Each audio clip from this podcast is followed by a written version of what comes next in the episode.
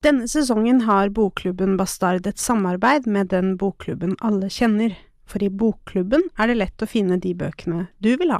Gå inn på bokklubben.no bastard. Der kan du se alle bøkene vi snakker om.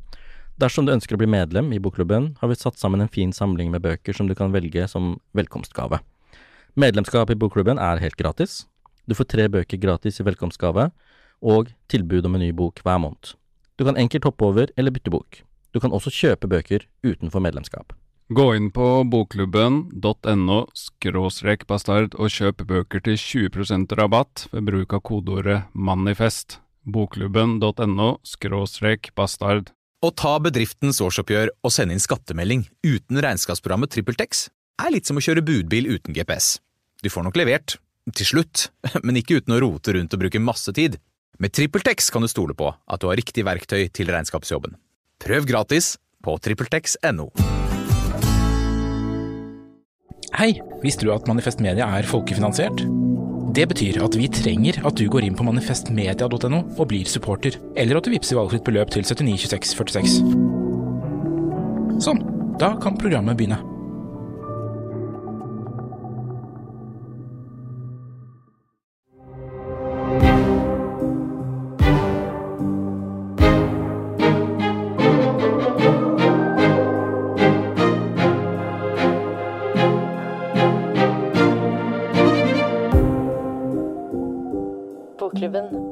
Bastard. Det som er sånn ullent. Man skammer seg fordi man skammer seg, eller man skammer seg fordi man fordi, fordi skam finnes.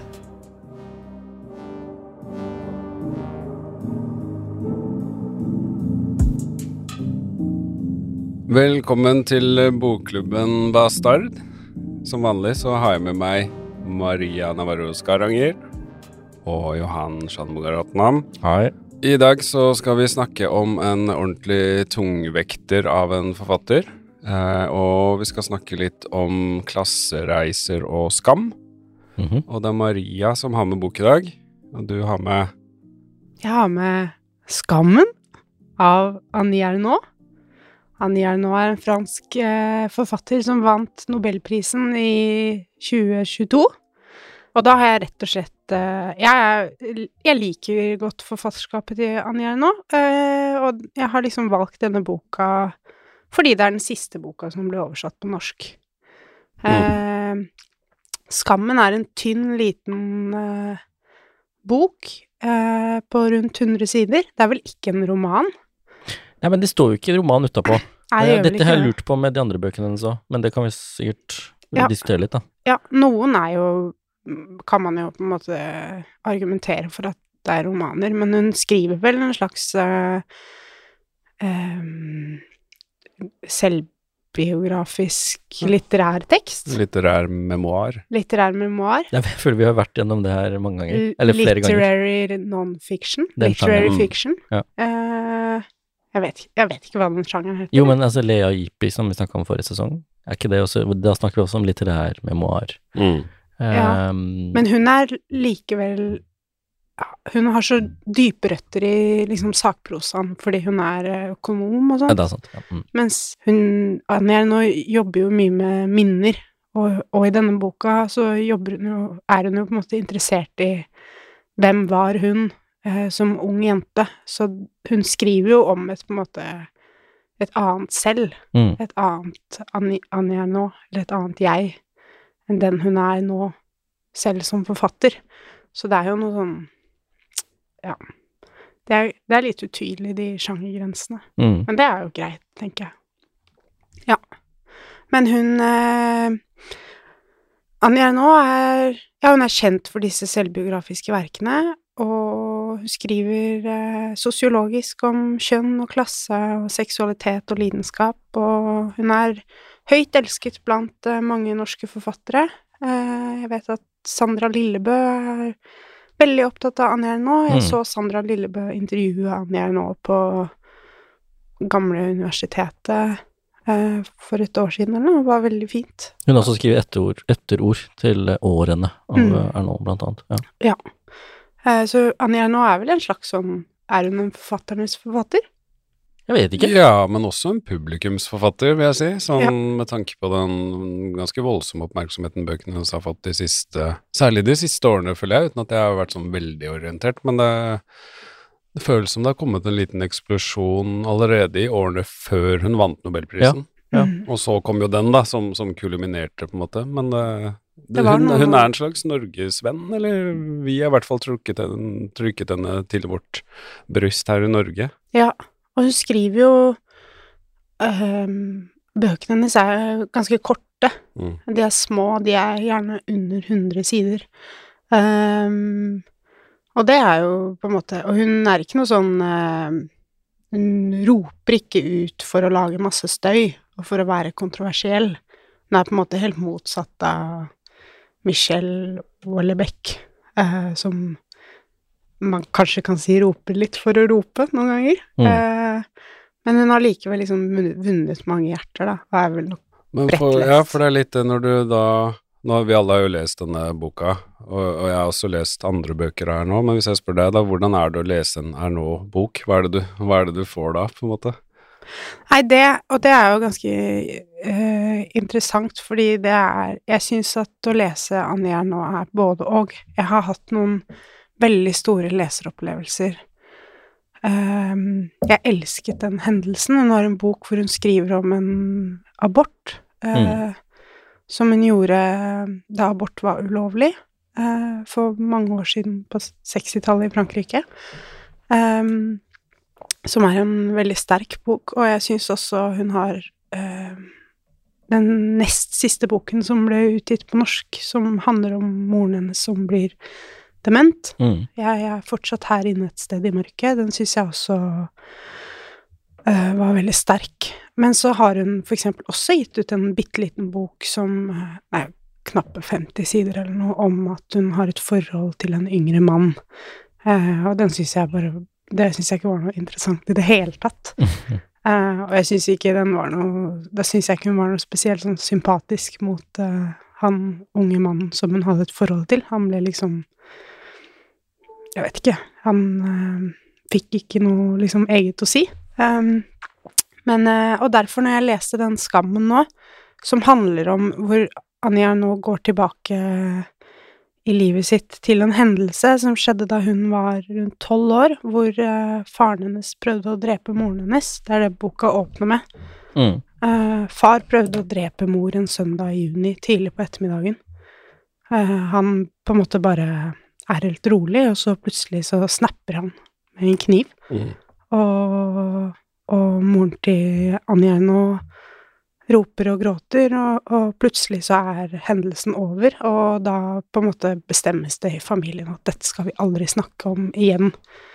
Eh, er det ikke sånn? De drar på sykkeltur. Jo, de drar på sykkeltur etterpå. Det er jo det, Og så det, er det det sjuke. Ja. Altså ikke bare det, men, men det sier jo mye om på en måte hvor absurd den, det øyeblikket da må, Ja. må ha føltes i ettertid. Ja, og det, eh, hvis man kan kalle det drapsforsøket, Mm. er jo på en måte bare et øyeblikk. Det er veldig kort. Ja, de, de krangler, De krangler, og så klikker han, og så klikker han. og så, Og så er ser hun, Annie, da, at han står med en, med en kniv og Ja. ja. Og så er det den voksne Anja nå som i boka skal finne tilbake til ordene som lå til grunn for tankene jeg hadde om meg selv og verden rundt meg, og peke på hva i mine øyne som var naturlig, og hva som var uakseptabelt, ja, utenkelig. Men kvinnen i 1995 er ikke den er ikke i stand til å tre inn i jenta fra 1952 igjen, hun som ikke kjente til annet enn småbyen, familien og privatskolen sin som bare hadde et begrenset ordforråd til rådighet. Ehm, så det er på en måte det boka er, at hun går tilbake til fortiden sin, og, og, og, og jeg trodde jo da at fordi boka heter Skammen, Mm. så tenker jeg sånn Hun skal redegjøre for skammen, nå skal hun på en måte forklare hva skammen er. Så første gang jeg leste den, så ble jeg litt sånn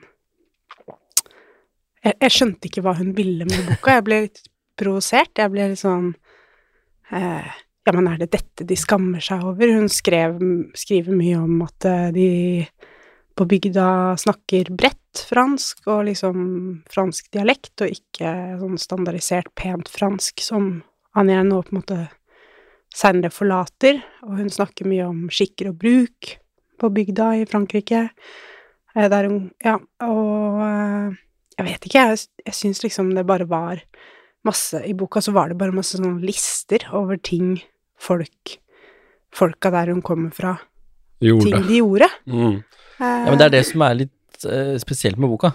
Ja. For den starter med et sånn kjempedramatisk øyeblikk, Ja. og så heter den Skammen, og så, og så tror du at, uh, at hun bare skal bore videre i det med en gang.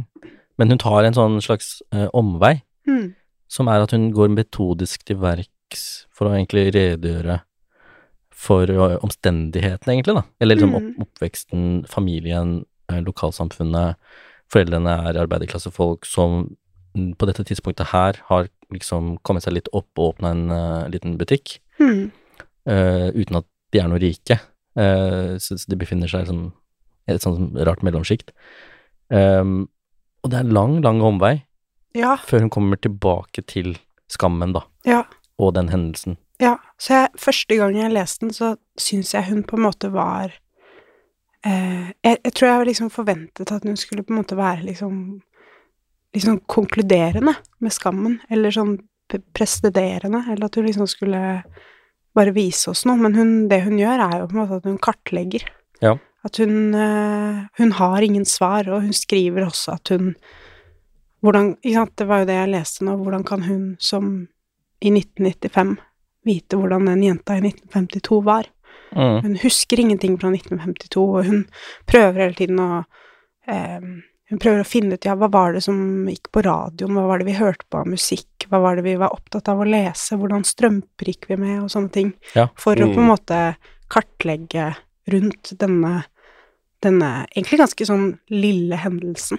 Eh, eller det lille øyeblikket der hvor faren hennes Ja, for hun sier jo på et tidspunkt, da, og jeg har lest boka på engelsk, så jeg prøvde å oversette selv til norsk, med litt sånn varierende hell, men hun sier på, på et tidspunkt der, så sier hun å beskrive for første gang med nøyaktighet som eneste kriterium gaten jeg pleide å gå i som barn, uten engang å tenke på, det er å eksponere et sosialt hierarki.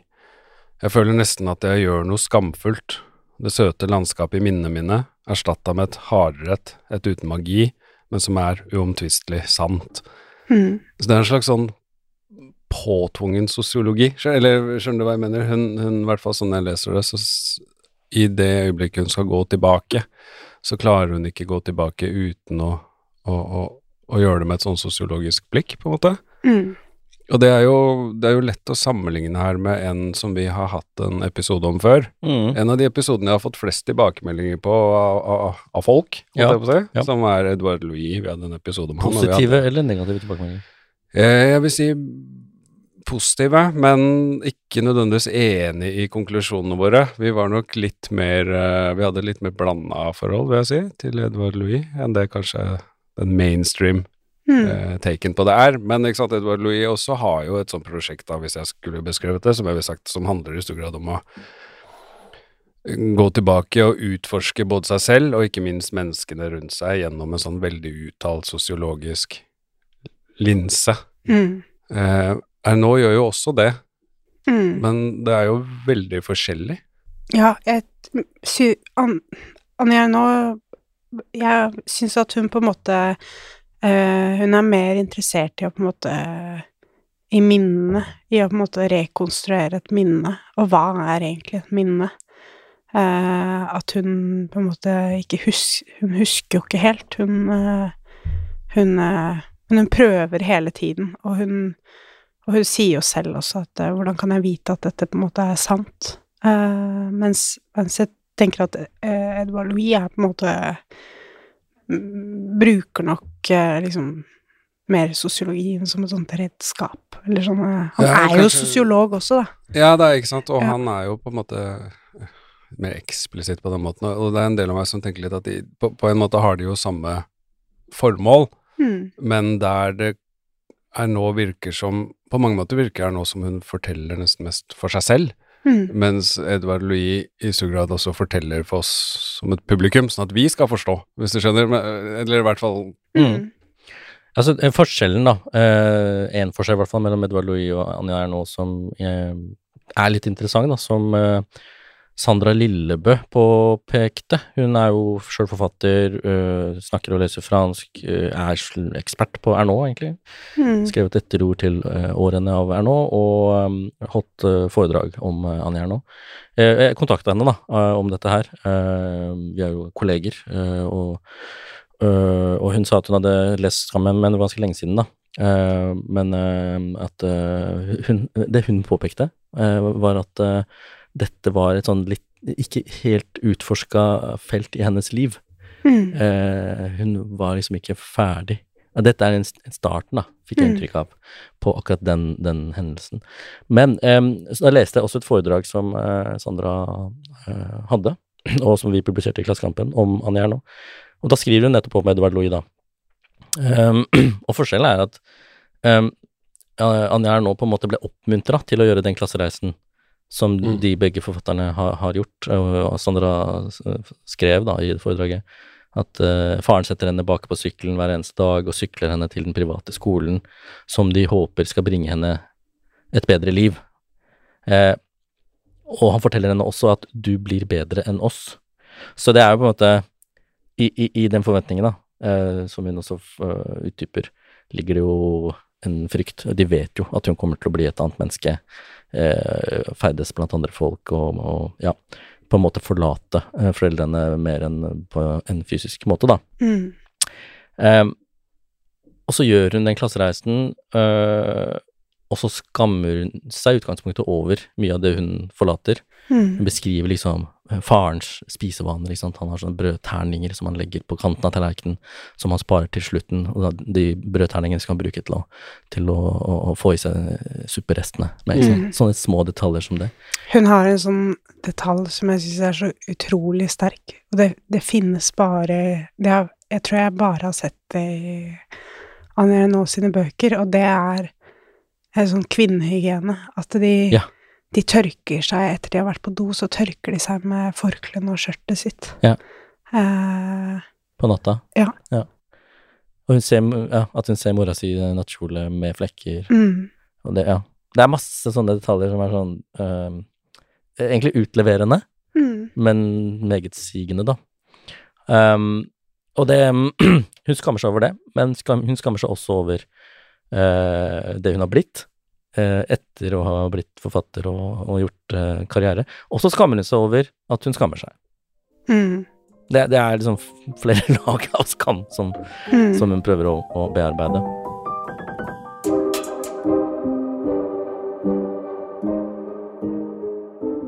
Både Arnaud og Louis for så vidt er jo, er jo franske klassereisehistorier, og, og de trenger jo ikke nødvendigvis holdt på å si være være like de norske. Selve ordet i seg sjøl også kan, kan være annerledes.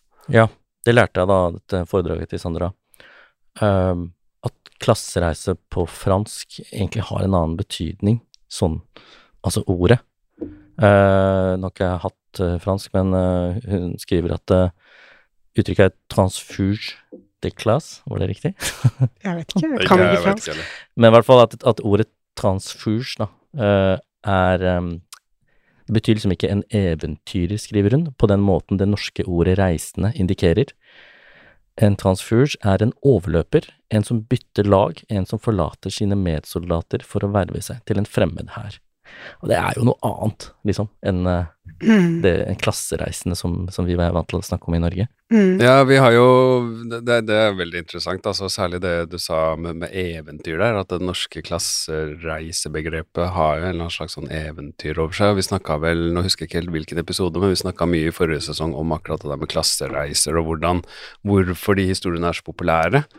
Og det er jo nettopp fordi de ofte inneholder sånne elementer av et eventyr. Ikke sant? Du begynner på bånn av noe, Mm. med slit, og så er det en frigjøring, og så møter du hindre underveis, og så når du da ditt mål, ikke sant. Igjen, da, det er sånt eventyr, mens, mens den franske er jo mye mer en sånn som jeg kan kjenne ganske godt igjen selv, egentlig. Altså den skam eh, Det skamelementet. Um, og det er jo noe som også går igjen i mye, også norsk litteratur om klassereiser, er den skammen. Mm. Uh, men ikke bare litteratur, for jeg skrev for noen år siden en tekst om Karpe sin låt SAS Pluss, Mm. hvor Magdi, da, en av de to Karpe-gutta, han uh, har har et refreng, eller et vers, eller hva vi skal kalle det. Ja, det er, start, det er starten. Det er starten egentlig av låta, hvor han snakker om at han sitter på SAS Pluss, og at han skammer seg, og det kommer inn andre svartinger, da, som han sier. Mm. Og da liksom, i blikkene dems, så vekker det en skam i han, da. Mm. Og det var liksom den teksten min prøvde å, å si noe akkurat om det der, om at den klassereisen er på en måte um, Det er ikke alltid ditt mentale jeg er helt i overensstemmelse med, med ditt faktiske jeg, hvor du Ja. er, på en måte, skjønner du. Og i den avstanden der mellom hvem du tenker du fortsatt er, med hvem du faktisk har blitt, Ja. Så oppstår det en skam, og den skammen vokser da i blikket til de andre du Mm. forlot, da.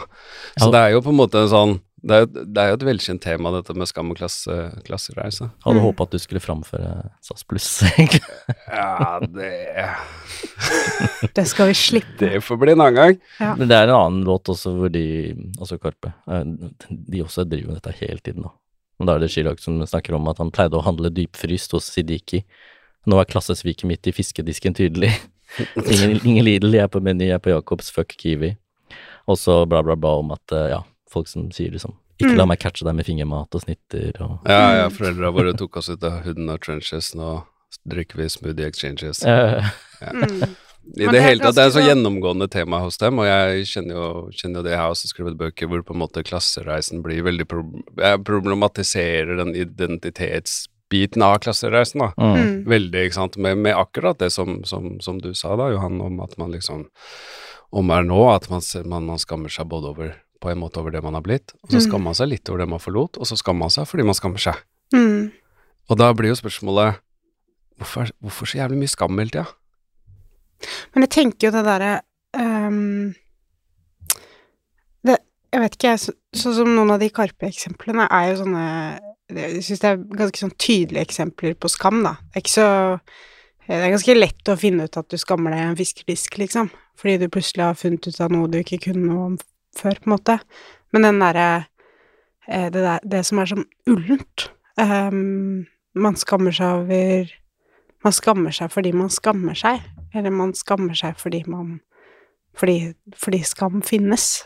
Jeg, sy syns på en måte ehm, Jeg, jeg syns det er noe av det fine i denne Jeg nå-boka, fordi jeg på en måte Jeg trodde den skulle være veldig tydelig på Mm. det med skam, og det er noen ting som er veldig tydelig, sånn som hvordan de snakker og, og skjørten og så videre og så videre, men det er også en sånn derre eh, Det er noe ukonkluderende i den. Ja, eh, som hvor man på en måte eh, Hvor hun jeg, jeg tror kanskje ikke hun på en måte finner helt ut av det, men hun på en måte begynner kanskje å bevege seg i noe sånn man skammer seg Hvorfor skammer man seg bare fordi man skammer seg-aktige greier? Og det liksom Jeg kjenner meg veldig igjen i det selv, da, fordi så ofte når man Vi som liksom skriver om eh, ja, klasse eller utenforskap og sånne ting, så føler jeg noen ganger at eh, hvis jeg for eksempel er i sånn litteratursamtaler, så på en måte vil samtaleleder at jeg på en måte skal fram til en skam, og så Mm, skjønner mm. jeg det ikke selv. Ja. At uh, noen vil at jeg skal skamme meg, og så vet ikke jeg hva den skammen består av selv, da, eller i selv. Uh, som jeg bare syns uh, Som jeg syns er eh, er interessant, fordi veldig mye av den skammen vi kjenner på, er jo bare liksom noe sånn vagt inni oss, som man ikke greier å greier å liksom ord, ordlegge, da. Eller man har ikke noe ord for det. Er det ikke litt sånn?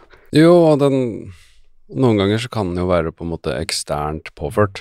Ja. Som Magdi, da, i disse blikkene til de andre svartingene ikke sant, som kommer inn, altså hans tidligere likemenn, da, mm. som kommer inn, så, så er den på en måte Så, så vekker det det i han. Men, men du snakker vel like mye om en skam som på en måte er sånn tilstedeværende i deg selv, på en måte, helt uavhengig av Ja, eller som ikke er liksom funnet ut av ennå. Mm. Den bare er der, og så vet ikke jeg eh, Mm. hvorfor, eh, hvorfor den er sånn. Jeg har for eksempel, jeg har en bror som er død, Mm. mm. eh, som tok livet av seg, og, og det er jo en sånn ting man skammer seg over. Mm. Mm. Eh, og jeg føler ikke egentlig at jeg har skammet seg meg så veldig mye over det.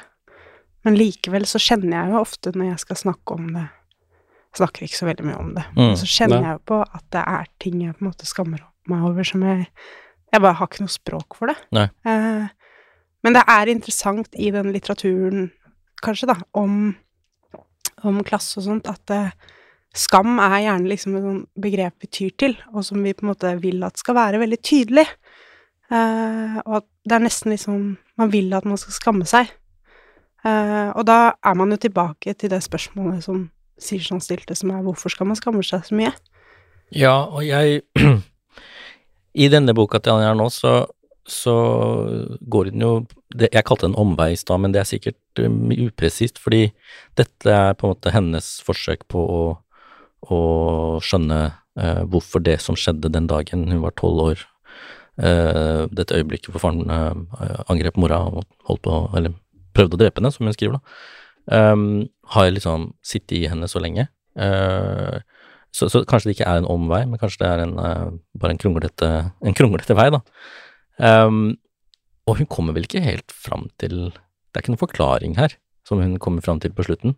For hun kommer tilbake til den hendelsen på slutten.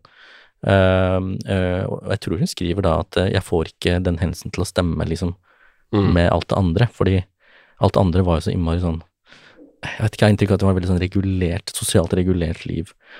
Uh, alle forventningene man hadde. Livet var på en måte planlagt. Da, når du ble så, så gammel, så skulle du være sånn og gjøre sånn, og så skulle du gifte deg, og så skulle du få barn, og alt var liksom eh, Mm. satt opp. Eh, og det som skjedde der, var eh, liksom et sånn enormt brudd med, med, med alt, da. Og så prøver hun å skjønne det. Eh, og det er en sånn, apropos omveier og, og kronglete veier, så er det en sånn reise på slutten her, hvor familien drar på en sånn slags tur, busstur, i, i Frankrike. Tre-fire dager. Eh, og den eh, der, der er liksom alt dette med skam så innmari komprimert, da. For da beskriver hun at de sitter på fin restaurant, hun og faren, og, og så observerer hun en annen jente eh, med, en, med sin far, Mm. som spiser og snakker uanstrengt og har det hyggelig, mens hun, Annie sjøl og faren sitter og Ja, det er ikke noe god stemning, fordi de har ikke råd til å bestille fra à la carte-menyen, Mm. eh, og faren klager over maten, han kaller det grisefôr. Eh, men så er det jo en fin restaurant, ikke sant. Og det er det med hotellene at uh, du skjønner at du er fattig når hotellet er finere enn huset ditt.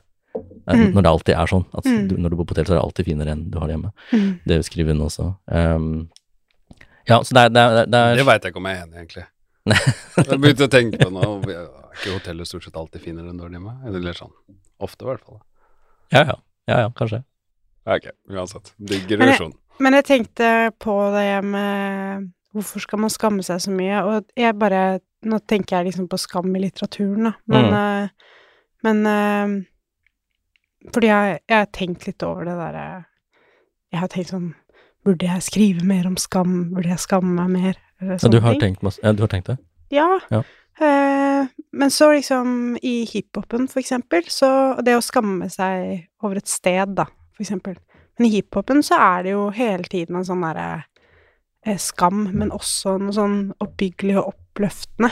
Mm. Og en stolthet over på en Mm. måte det man kommer fra, Mm. Yes. eh, som eh, som, jeg, som jeg savner litt, da. Eller sånn eh, Ja, for eller jeg bare eh, Det er jo masse fint også, som, som jeg, jeg, jeg Ikke sant, jeg er jo en tørr nordmann, liksom, men jeg blir jo sånn Anja, nå, du er jo fra Frankrike! Fra liksom Det er jo kjempefint i Frankrike, det er fine murhus og sånn. Ja, men det er veldig latterlig, da. ja, ja, ja, Men ikke sant? Sånn. Ja, ja. Eh, mens, eh, mens i litteraturen så på en måte Jeg, jeg savner det, da. Den derre uh, Den derre to, Det todelte. Jeg, jeg, jeg leste takketalen hennes etter Ja. at hun fikk nobelprisen, uh, og det var veldig nyttig, altså. Um, og der sa hun eh, at Hun refererte til en dagbok eh, hun skrev da hun var 22, eh, og, og, og så leste hun det høyt, da. Og der sto det 'Jeg skal skrive for å hevne min ett'. Og da ett som i ikke slekta, men klassen, da, som hun kom fra. Og det er jo sinnssykt sterk setning Mm. Mm. eh, fra en ung eh, kvinne, da, som vil bli forfatter og har bestemt seg for det, liksom. Og, og så beskriver hun egentlig Ja, kanskje omvei er riktig ord i denne sammenheng her, fordi hun får utdannelse og, og etter hvert, som vi har snakka om, eh, gjør en klassereise, da. Eh, men så beskriver hun også at hun kommer tilbake litt til sin ett på et eller annet tidspunkt. Tror det er etter at faren er død og, og litt sånn. Hun blir minnet på hvor hun kommer fra ennå, og begynner å liksom, eh, ja, bore i det, da.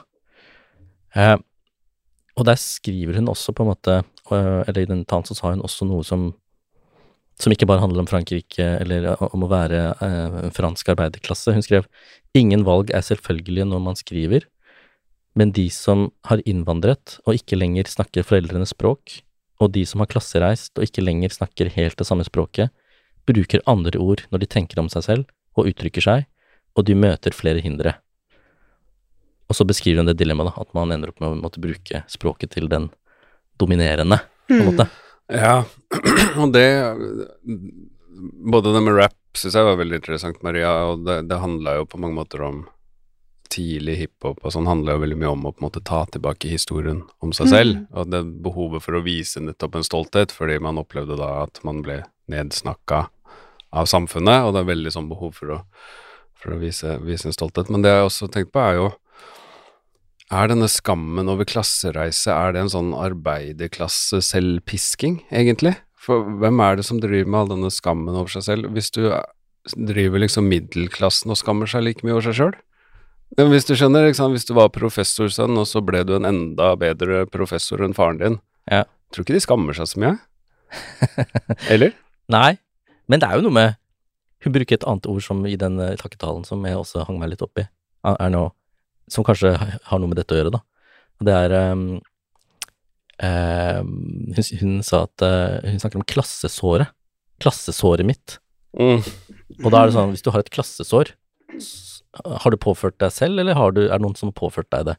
Og det er jo kanskje det siste som gjør at man snakker om um, en skam, da, eller hennes Alt er mye hardere i Frankrike. Sånn derre Ja. klasse, Klassereise er liksom klasseoverløper, og, Ja. og skam er klassesår. Alt er mye hardere også, også når man snakker om språk, ikke sant. Hun sier at eh, eh, at man mister et språk om seg selv, Ja. på en måte, og tar i bruk et annet språk. Men i, og i Frankrike så er det jo sånn at eh, eh, på TV og sånn, så snakker man vel bare liksom standardisert fransk. Mm. Eh, det er mye innen NRK så er vel liksom Det er jo Jeg vet ikke hva noen reglene er, ja, men det er vel en prosentandel som skal snakke nynorsk. Eller skrive nynorsk. Eller det har blitt åpna veldig de siste, men det er, det er ikke så Det er ganske nytt. At NRK Det er åpna for å bruke på en måte egne dialekter uh, i den grad de har nå, da. Ja. Og det var jo også en ganske lik diskusjon, og det er jo ikke lenger enn ti år siden hvor uh, vår felles bekjente Don Martin, altså en rapper, ga ut Mm. et album og vant Spellemann, Mm. og, og holdt da en takketale på scenen, Mm. som jeg har hørt på i ettertid, som var sånn Tusen takk for dette, Groruddalen, liksom. Hvor det var liksom Twitter var full etterpå med sånn Har ikke Don Martin lært seg norsk på Ja, skolen? husker. Og det er ti år siden. Ti år er ikke så lenge. Ja, Eh, sånn at det er en viss sånn Men jeg er helt enig, jeg tror i Frankrike så er den mye, mye sterkere. Ja. Men, men, men det som Uansett, det som er jo liksom min sånn eh, En av de store greiene mellom meg og eksempel faren min, eller folk jeg har vokst opp med, er jo at de syns jo jeg driver med altfor mye skam og selvpiske. Eller sånn Ja. Når du gjør en sånn klassereise materielt, liksom, så, så er det veldig vanskelig for dem å skjønne hvorfor man skal problematisere det så fælt. Ikke? Er ikke det her fint? Er, det Mm. ikke det, er det ikke det man skal og vil, liksom? Ja. Og så sitter vi liksom her og pisker oss selv, da. Kan jeg ta en annen Karpe-historie? Der får Chirag mm. ringe inn til og kjefte på meg hvis den er feil. Jeg husker han fortalte det en gang, og jeg bare syntes det var jævlig Det var ganske talende for akkurat det der. For da skulle Chirag, ifølge hans egen historie i hvert fall, han skulle spille inn en musikkvideo på Haugenstua. Mm. Og Haugenstua er jo sånn veldig drabantby østkant Oslo. Så han satte seg på toget, Ja. og så sitter han på toget da til Haugenstua, og så kommer det en fyr bort og som er sånn Hei, du er han Karpe, eller? Ja, ja, det er meg, liksom. Ja, det er meg. Ja, ja, kult å møte deg. Sånn, ja, hva, hva gjør du liksom her på toget? Ja. og Chirag forteller da, nei, nei, jeg skal spille inn musikkvideo og sånn, så bare, ja, men på toget? Og Chirag, i hvert fall sånn jeg husker historien, da, så, ja, men liksom, nei, han har jo ikke bil, eh, og litt sånn mannen av folk også, ikke sant, av toget. Og fyren blir stille da, ser på han og sier, fy faen, det var jævlig uinspirerende, altså. Ja. Det er også, han også fortalt om sånn derre Når de har sagt nei til sånn sånn reklameavtale med en eller annen, et eller annet stort amerikansk selskap eller sånn. Jeg tar fader. McDonald's eller Coca-Cola, liksom. Det var ikke det, da, men noe sånn tilsvarende. Så har liksom um, mora hans, som er indisk, sagt sånn Hæ? Hvorfor sier dere nei til det? Ja, ja. Det er jo det som er suksess, liksom. Mm. Så det er noe med kriteriene og forventningene. Det er litt sånn rart i Norge, da, fordi man skal liksom Man skal gjøre suksess. Man skal ha liksom Ja. Du skal ikke være fattig, for det er ikke bra. Nei, nei. Eh, Men når du først gjør det bra, så skal du også liksom Du skal være ydmyk, du skal ha gode verdier, du skal være sånn og sånn og sånn og sånn. Det er liksom et eller annet schizofrent med det, som er Ja. Ja. ja jeg vet ikke helt. Men det er jo et eller annet med at eh, man Man gjør suksess og sånn, men man Men man kan jo på en måte være selvbevisst for det om å være eh, Ja da, jeg tror jo- Ransake seg selv litt også. Jeg tror det kommer sånn. mer interessant litteratur ut av Ja. selvransakelse, tror du ikke det? Og den eh, nevnte jo at jeg skrev den teksten om rap og klassereise Mm. og skam og sånn, og det var jo veldig typisk tidlig rap-beskrivelser av klassereise, var veldig sånn eh, glorifiserende. Mm. ikke sant? Så nå har jeg forlatt hooden, og jeg har masse damer rundt meg i svømmebasseng og drikker champagne, og det var veldig sånn framtredende da. Mm. Og så kom gjerne album nummer to, hvor rapperen hadde oppdaga haterne. Mm. Ja, alle hater på meg fordi jeg er så suksessfull, men klassereisens problem for vedkommende handla nettopp om de haterne. Det var noen eksterne folk Mm. som på en måte Det, var ikke noe inni Mm. hen, da. Mm. Men så kom det jo liksom, uten å ta en hele liksom, historien, så kom det jo en del rappere, blant annet Kanye West for eksempel, da, men også Kendrick Lamar og sånn, som ble mye mer sånn Problematiserte den der klassereisen Mm. i sitt indre liv Mm. mye mer, da. Eh, på, på en måte som egentlig ligner mye mer på det man ser litterært ofte.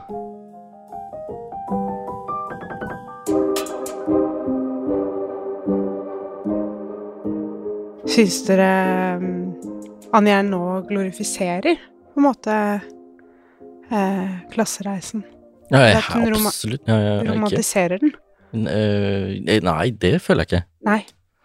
Nei. Men jeg satt og tenkte på når vi snak, da vi snakka om Norge og noe sånt, at, eh, og at på en måte ting Klassesamfunnet i Frankrike er på en måte mye hardere. Mm. Eh, også kanskje kulturelt. Sånn at gapet er liksom så enormt. Mm. Så, så jeg, jeg, kan, jeg vet jo på en måte ikke akkurat, akkurat hvordan det oppleves, bortsett fra det man leser i bøker som den her, da. Nei, jeg føler ikke at hun glorifiserer det i det hele tatt, men um, jeg føler heller ikke at hun har noe liksom I motsetning til Edvard Louis, som på en måte kom med et politisk manifest på et eller annet tidspunkt, så Mm. det gjør jo ikke Anja nå.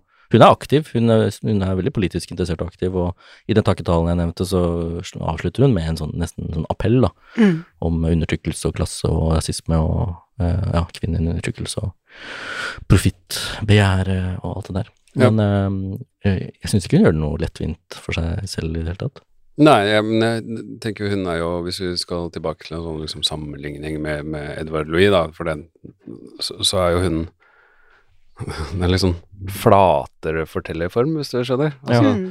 Det, det det er ikke like på den, Det mangler den samme intensiteten, på en måte, på godt og vondt, vil jeg si, da. Sånn at det, det er jo til tider jeg er veldig glad i Anja nå, men det er jo tidvis hvor jeg faktisk skal være ærlig på at jeg, jeg, jeg kjeder meg litt, fordi det blir så veldig lange beskrivelser av veldig hverdagslige ting. Mm. Eh, som, som du har jo forklart at det er jo del av hennes metode, på en måte, men for meg som leser, så kan det no, noen ganger så kan det bli litt Det kan føles litt flatt, hvis du skjønner. Litt lite puls. Mm. Ja. Og Edvard Louis eh, Hans historie er jo sånn over, litt sånn det, det var en overlevelseshistorie. Ja, ja. Han Edvard levde Louis kommer jo fra liksom. nød, ikke sant. Ja. De måtte banke på døra og spørre om å få mat. Ja. Eh, og mye av Anja nå er jo også fra en annen tid. Mm, At hun ikke Disse som tørker seg på Damene som tørker seg på skjørtene sine, mm, er jo en helt annen tid enn liksom, folk lever i nå. Ja. Så hun tegner jo også på en måte et annet tidsbilde av Mm. Frankrike. Mens eh, Ja, og Edvard Louis eh, Ja, han har jo et sånn overlevelsesprosjekt. Jeg tror, tror liksom at noen ganger så Den forrige episoden vi hadde om Edvard Louis, så syns kanskje noen at vi var litt sånn harde mot Edvard Louis, eller liksom Jeg har hørt sånn her Ja, dere var jo ikke noe begeistret for Edvard Louis, og sånne ting. ja, da- mange, det er mange som har Ja, og det er ikke det at vi ikke er begeistret for Edvard Louis, det er bare det at vi på en måte Jeg tror vi bare trenger å på en måte snakke om det som noe annet enn bare en sånn hyllest og, og sensasjon, eller hva på en måte For de er jo veldig ekstremt, det han på en måte har skildret, eller det er jo interessant å bore i det. Mm. De som på en måte kan kjenne oss igjen i noe av det samme selv, da. Eller sånn eh, Men jeg er helt enig i det at eh, Anja nå eh, på en, på en sånn På en måte kan man snakke om henne som på en måte flatere. Eller at hun jobber kanskje mer i sånne langstrakte flater, Mm. tenker jeg. Mm. Det virker som hun jobber på liksom flere fronter samtidig. Ja. Fordi hun skriver om Det er flere tematikker som henger sammen, og slutten på denne boka her er vel egentlig veldig sånn tydelig signal om, om det. Altså slutten Ja. på skammen. Ja, for hun avslutter med at hun ser på øh, et bilde, og så skriver hun Det er 29 år siden far døde. Jeg har ikke lenger noe til felles med jenta på bildet, bortsett fra opptrinnet den junisøndagen, som hun går med i hodet, og som fikk meg til å skrive denne boken. Siden siden det aldri er blitt borte. Bare det gjør den lille jenta og meg til den samme, for orgasmen, som gir meg den sterkeste følelsen av å være uforanderlig, av å ha et bestandig vesen, opplevde jeg først to år senere.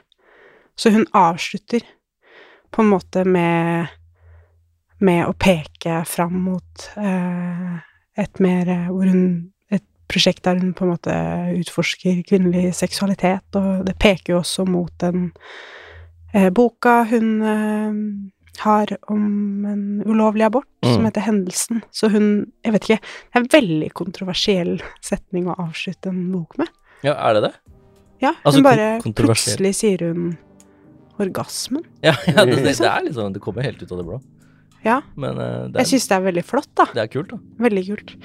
Uh, så jeg skulle faktisk uh, Ikke sant, alle disse bøkene av Anja nå, de er veldig tynne. Noen er liksom 40 sider. Denne her er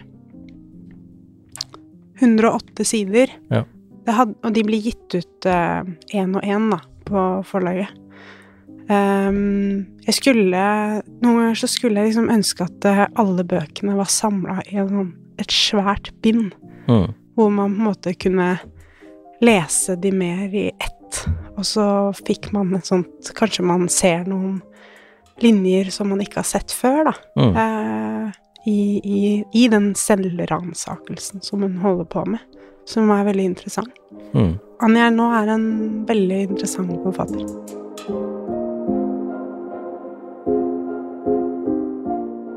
Og neste gang så skal vi snakke om eh, en bok som heter En liten detalj, av den palestinske forfatteren Adania Shibli. Vi ses! Ha det!